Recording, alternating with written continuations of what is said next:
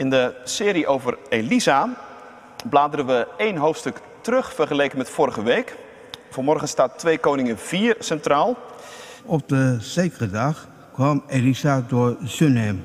Daar woonde een voorname vrouw die hem dringend uitnodigde om te komen eten.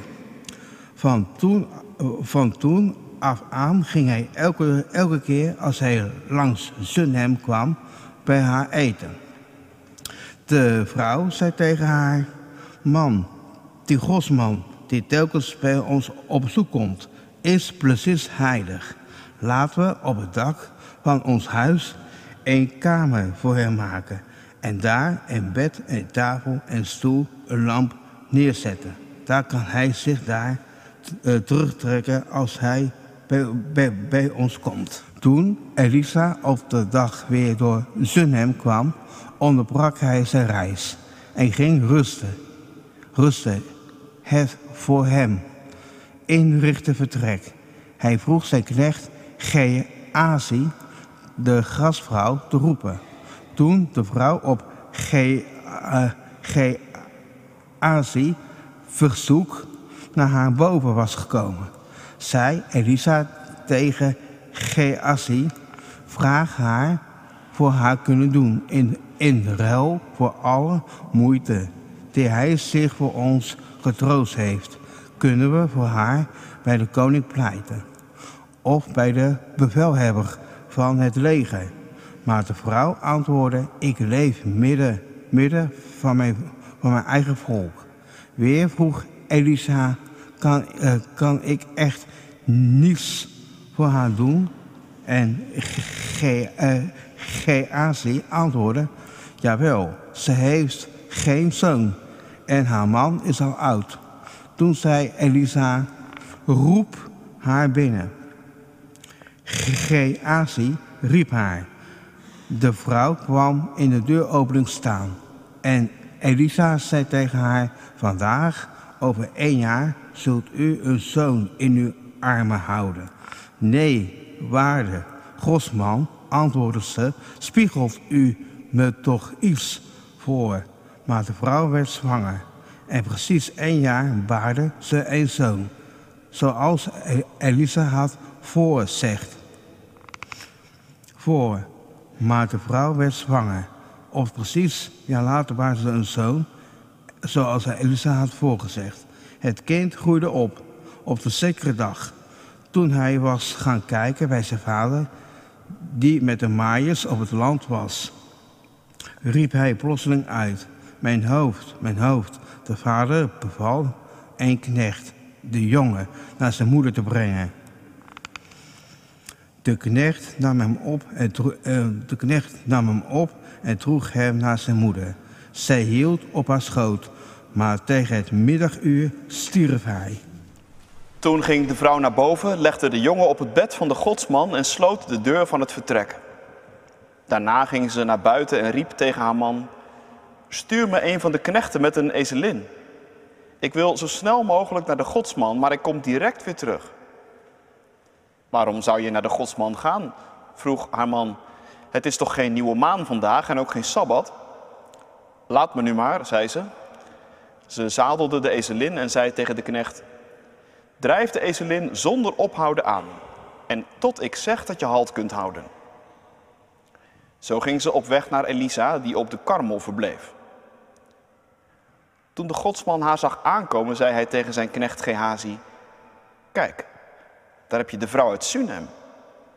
Ga haar vlucht tegemoet en vraag hoe het met haar gaat, en met haar man en met haar zoon. De vrouw antwoordde dat het goed ging. Maar toen ze bij de godsman op de berg aankwam, greep ze zijn voeten vast. Gehazi liep op haar toe om haar weg te jagen, maar de godsman zei: Laat haar maar. Ze heeft verdriet.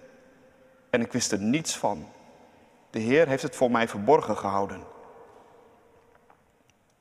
Toen zei de vrouw: Heb ik u soms om een zoon gevraagd? Heb ik niet gezegd dat u geen valse hoop moest wekken? Hierop zei Elisa tegen Gehazi: Neem mijn staf en ga er zo snel mogelijk naartoe. Als je iemand tegenkomt, groet hem dan niet. Als iemand jou groet, zeg dan niets terug. je moet mijn staf op de jongen leggen. Maar de moeder van de jongen zei, zo waar de Heer leeft en zo waar u leeft, ik ga niet zonder u. Toen stond Elisa op en ging met haar mee. Gehazi was hun vooruit gegaan en had de staf op de jongen gelegd, maar die had geen teken van leven gegeven. Hij keerde terug en vertelde Elisa dat de jongen niet wakker was geworden. Toen Elisa zelf bij het huis aankwam, zag hij de jongen dood op zijn eigen bed liggen. Hij ging de kamer binnen en sloot de deur achter zich. Toen bad hij tot de Heer. En daarna liep hij naar het bed toe en ging boven op het kind liggen. Met zijn mond op zijn mond, zijn ogen op zijn ogen en zijn handpalmen op zijn handpalmen. Zo bleef hij over het kind uitgestrekt liggen tot het lichaam weer warm werd. Toen kwam hij overeind, liep door de kamer heen en weer en strekte zich nogmaals over het kind uit. En uiteindelijk nieste de jongen wel zeven keer en opende zijn ogen. Roep de moeder, riep Elisa tegen Gehazi. Gehazi waarschuwde haar en toen ze boven kwam, zei Elisa, u kunt uw zoon meenemen. De vrouw kwam de kamer binnen, viel aan Elisa's voeten neer en boog diep voorover. Toen nam ze haar zoon op en ging de kamer uit. Woord van God. Thema voor de preek van morgen is sterk geloven. Sterk geloven. We wandelen wat door dit lange verhaal heen. Er zijn drie thema's die van tijd tot tijd de kop opsteken. Dat is het thema tempel, het thema tragiek en het thema toekomst. Tempel, tragiek, toekomst. Gemeente van Christus is geloven voor zwakke mensen. Dat kun je van tijd tot tijd nog wel eens iemand horen zeggen. Het christelijk geloof als een ideologie voor zwakkelingen of een kneusjesreligie. Niet dat dat nou zo'n heel nieuwe gedachte is, maar toch. Het idee dat geloven vooral voor zwakke mensen zou zijn, zit er bij sommigen diep in. Misschien is het jou ook wel eens door het hoofd geschoten. Betekent het feit dat ik geloof en dat ik hier zit, niet misschien ook dat ik stiekem te zwak ben om het zonder geloof te stellen?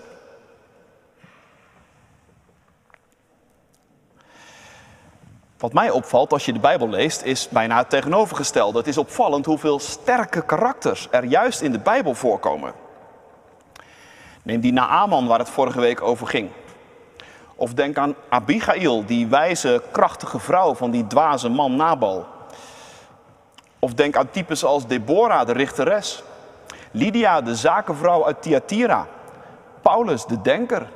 Cornelius, de legeraanvoerder stuk voor stuk sterke karakters die de grootsheid en de diepte van het geloof op het spoor komen.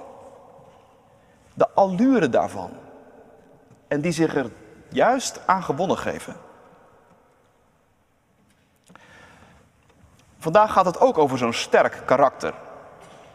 Een vrouw zonder naam, zodat alle aandacht kan vallen op wat ze zegt en wat ze doet. Een vrouw uit het plaatsje Sunem. En het eerste wat je over haar leest, is dat ze groots was. Gadol in het Hebreeuws. Groots, dan denk je misschien snel aan welvarend, maar en rijk, dat misschien ook. Maar het gaat om meer. Het was een vrouw met aanzien en met uitstraling. En dat merk je ook wel, want door het hele hoofdstuk heen is ze voortdurend handelend aanwezig. Zij neemt het initiatief om Elisa bij haar uit te nodigen. Zij besluit voor hem een logeerkamer te laten maken. En als ze verderop in het verhaal de confrontatie met Elisa aangaat, als haar zoon gestorven is, dan laat ze zich niet zomaar afschepen. Ze behandelt de profeet als haar gelijke. En dat roept bij Elisa geen irritatie, maar juist respect wakker. Geloven voor zwakke mensen? Integendeel, zou je zeggen.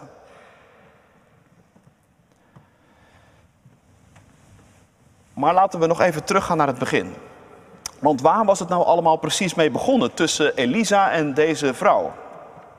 Het begon met een uitnodiging aan Elisa om te komen eten.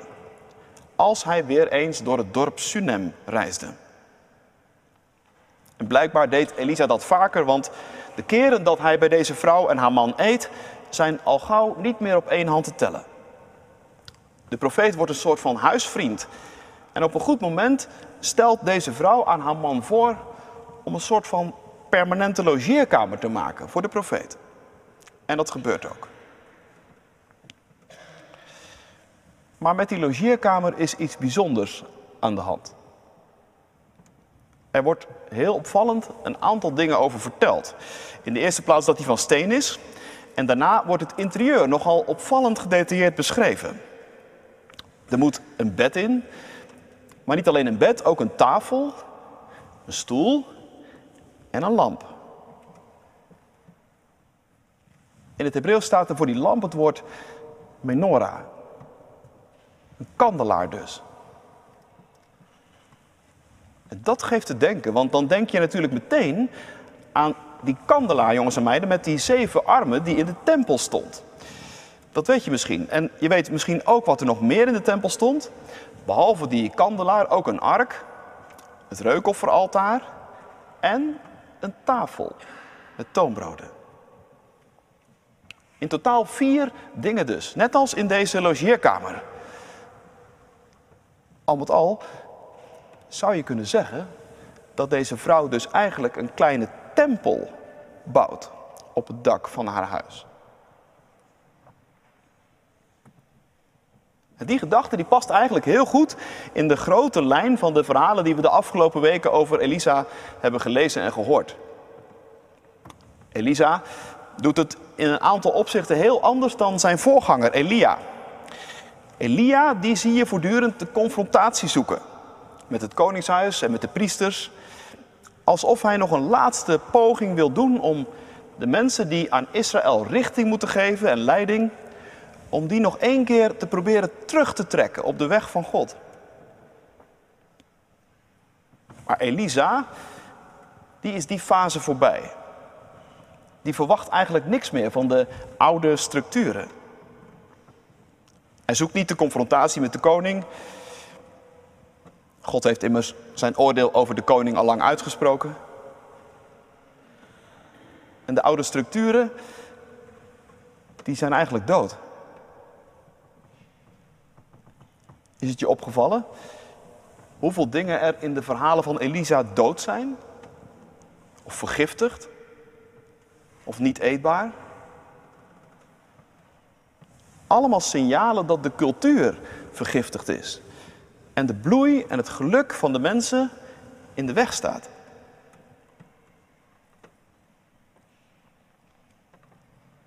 Maar er zijn ook altijd lichtpuntjes. Die profetenschool bijvoorbeeld, die telkens opduikt, is zo'n lichtpuntje. Een groep van jonge mensen die zich er niet bij neerlegt, die aan God toegewijd blijven, die een tegenbeweging op gang hebben gebracht. Een soort counterculture. Mensen die tegen de stroom in durven te zwemmen. En je ziet dan ook dat de profeet Elisa voortdurend op die mensen betrokken is. En neem deze vrouw uit Sunem. Ook zo'n lichtpuntje. Iemand die doorheeft dat Elisa anders is. Zo zegt ze het ook tegen haar man. Weet je, die godsman die is nu een aantal keren bij ons geweest. Ik heb gemerkt, zegt ze, dat hij heilig is. Hij is echt anders dan de rest. Wij moeten ervoor zorgen dat die man hier altijd terecht kan. En zo maakt ze letterlijk ruimte in haar leven voor Elisa. En daarmee voor God.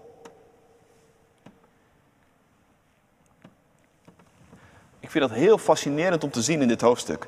Soms zijn er dus tijden waarin het geloof niet langer vanzelfsprekend is. Soms zijn er tijden waarin je niet langer kunt terugvallen op alle oude bestaande structuren van vroeger. Die werken niet meer. En de mensen zijn niet langer aanspreekbaar op dingen waar je ze vroeger wel op kon aanspreken. En in zulke tijden, rust het geloof dus soms een poosje op individuen. Of op kleine, haast ondergrondse groepjes en bewegingen. Tijden dus waarin geloven juist lijkt weggelegd voor sterke karakters.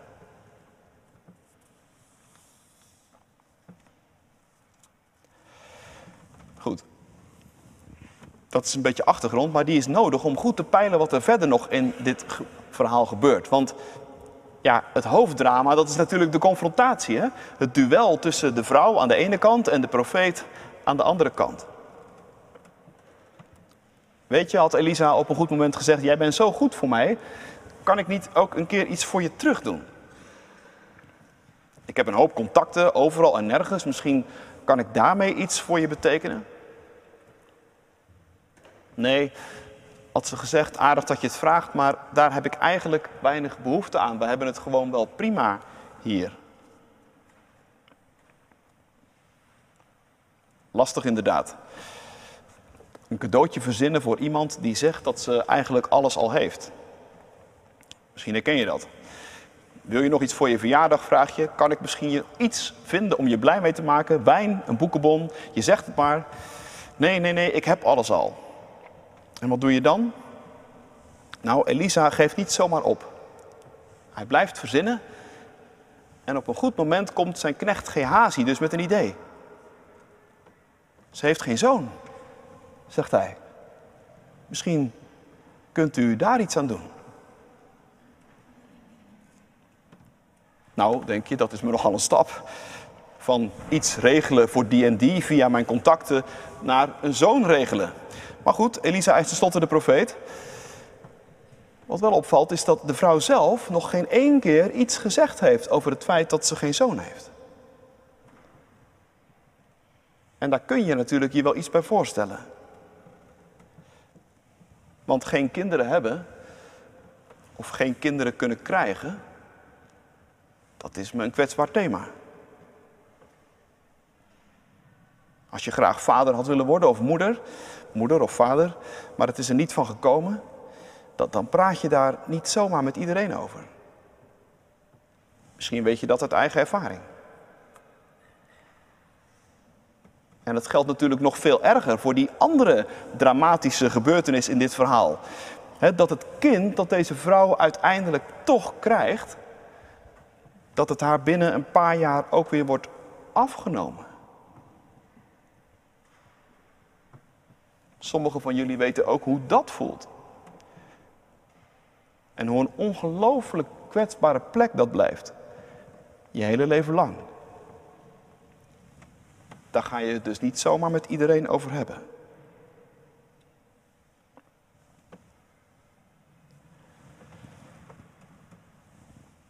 Nu komt daar voor de mensen in Israël altijd nog een extra lading bij. Want anders dan bij ons betekent geen zoon in Israël ook geen toekomst. Een kind, dat is een vergezicht. En geen kind, dat betekent dat de belofte en de toekomst van God niet via jou en jouw familie en jouw gezin voortgang kunnen hebben.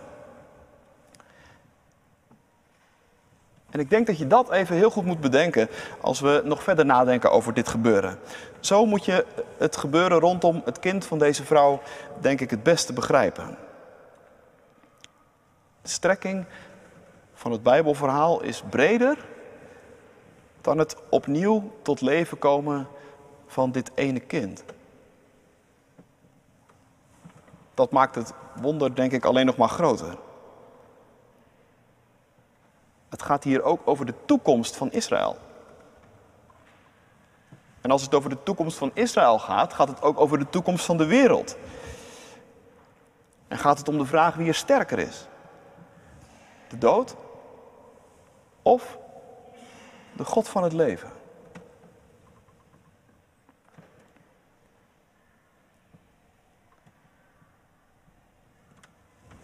Met dat die vrouw een kind krijgt, gaat de toekomst in Sunem op een hele nieuwe en unieke manier open. En je kunt je voorstellen, ze kan het bijna niet geloven.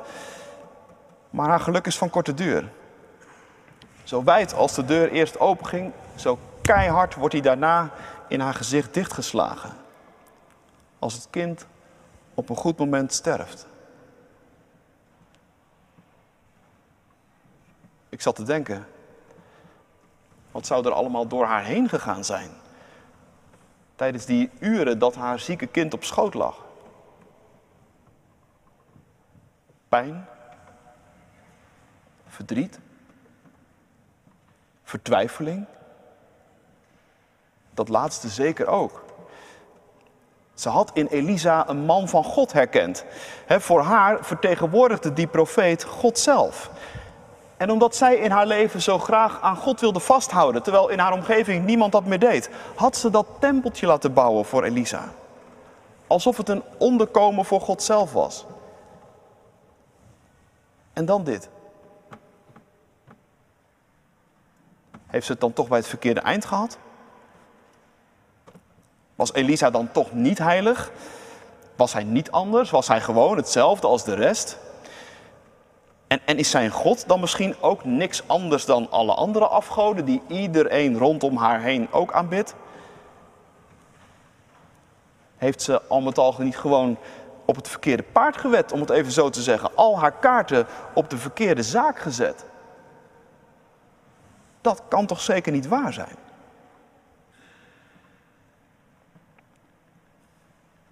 En daarom gaat ze als de wind richting Elisa. Ze weet waar ze de profeet kan vinden. Ze duwt Gehazi opzij en ze valt met de deur in huis aan de voeten van de profeet. En daar breekt ze. Ik had geen kind, gooit ze eruit. En daar had ik vrede mee. Ik had gewoon mijn leven, ik had gewoon mijn contacten. Ik wilde vasthouden aan God. En in u zag ik iets van God weerspiegeld. Dat was eigenlijk genoeg voor me. Ik wilde iets doen. Daarom bouwde ik die logeerkamer, die kleine tempel. Ik hoefde niet meer, maar ik kreeg wel meer, een kind. En wat maakte me dat kwetsbaar? Ik zei nog, doe het niet. Doe het niet, zei ik nog, maar het gebeurde toch. En nu? Nu is het gestorven en ik ben alles kwijt. Mijn kind, mijn toekomst, mijn hoop, mijn houvast. Die tempel op het dak van mijn huis, die kan ik maar beter weer afbreken. Ik kan maar beter gewoon weer meegaan doen met de rest. Waarom al die moeite als uw God het aanbidden helemaal niet waard is? Waarom al die moeite als het meegaan met u en met de God die u zegt te dienen zoveel pijn met zich meebrengt? En tegelijk, met dat ik hier voor u sta, met dat ik hier ben, wil, wil en kan ik niet geloven dat het zo is. Ik weiger me erbij neer te leggen. Ik wil wel aan God vasthouden. Ik wil wel blijven geloven dat het leven sterker is dan de dood. Ik wil wel blijven vasthouden dat de toekomst aan God is en aan het leven. En daarom moet je weten, heb ik mijn kind op je bed gelegd. En heb ik het zo als het ware als een offer bij God gebracht.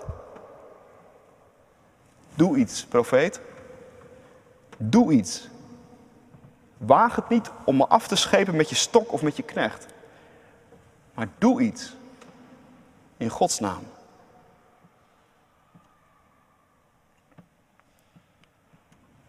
Zo staat de vrouw voor Elisa. Is geloven voor zwakke mensen? Oordeel zelf.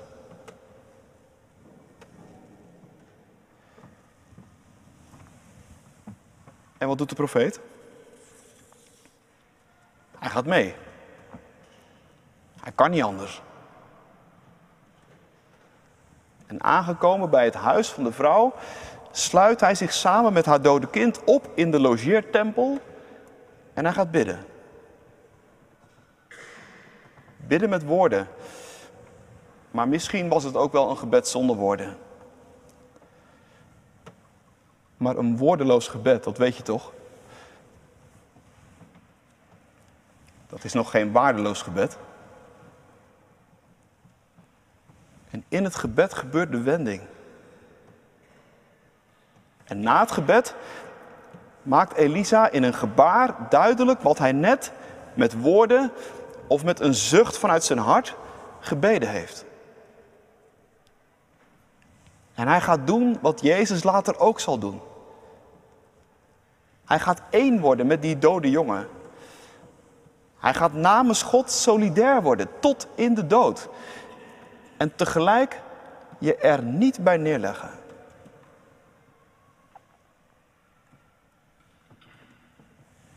Zo kijken we via dit gebeuren vanmorgen in de spiegel van Pasen en van Pinksteren tegelijk. God die ons tot in de dood achterna komt en ons zelfs dan niet loslaat. Dat is Pasen. En God die ons door de kracht van de Heilige Geest vernieuwt. Dat is Pinksteren. Een nieuwe mond geeft, zodat we andere woorden kunnen gaan spreken. Nieuwe ogen, zodat we de wereld kunnen gaan bekijken via de ogen van Christus. Nieuwe handen, zodat het open, ontvangende handen kunnen worden. Kortom, een leven met toekomst. Een nieuw leven. Een opstandingsleven. Dat is wat God hier geeft.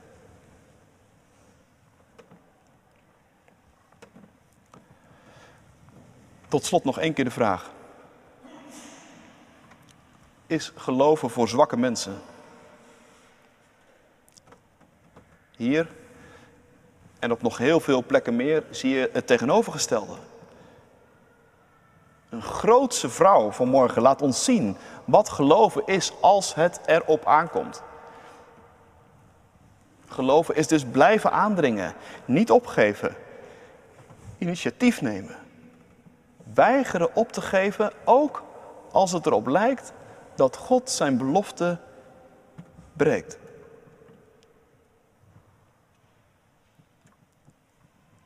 Ik denk, daar ligt ook de toekomst voor de kerk. Daar ligt ook de toekomst voor ons die leven na Pasen en na Pinksteren. We hebben in Jezus God op een unieke manier leren kennen als de God van het leven, de God die sterker is dan de dood. Die God heeft ook ons zijn Heilige Geest gegeven. En in de kracht van die geest mogen we overal in onze levens en overal in deze wereld kleine logeerkamers inrichten. Tempeltjes waar het geloof wordt gekoesterd en de hoop wordt levend gehouden en de liefde wordt geleerd. Juist ook in tijden waarin alle oude structuren kraken en piepen. Juist dan vraagt het geloof om sterke karakters. Als jij nou gezegend bent met zo'n sterk karakter, en daar zijn er een heleboel van hier, bedenk dan eens wat jouw taak is. Hoe kun jij een tempel bouwen op het dak van je huis? Hoe kun jij eraan bijdragen dat er ruimte voor God is in het leven? Wat kan jouw taak zijn om iets te doen dat de kerk opbouwt en draagt? En als God nou jou zicht geeft op zijn toekomst, hoe spannend dat misschien ook is. Want hoe groter het visioen, hoe harder het kan tegenvallen. En zeker als hij dan daarna het weer van je lijkt af te nemen. Weiger dan. Weiger dan om je erbij neer te leggen. Val hem aan zijn voeten. Protesteer. Leg dat wat jij om je heen dood ziet gaan of uit ziet doven voor Hem neer. En verwacht het van Hem.